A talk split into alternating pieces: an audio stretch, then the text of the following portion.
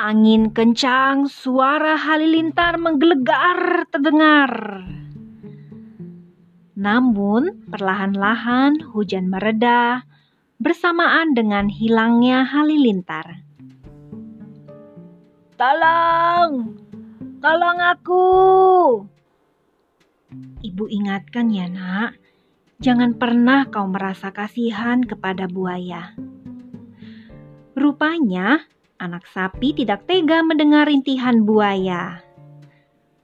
Bagaimana kelanjutan kisahnya? Apakah anak sapi akhirnya menolong buaya?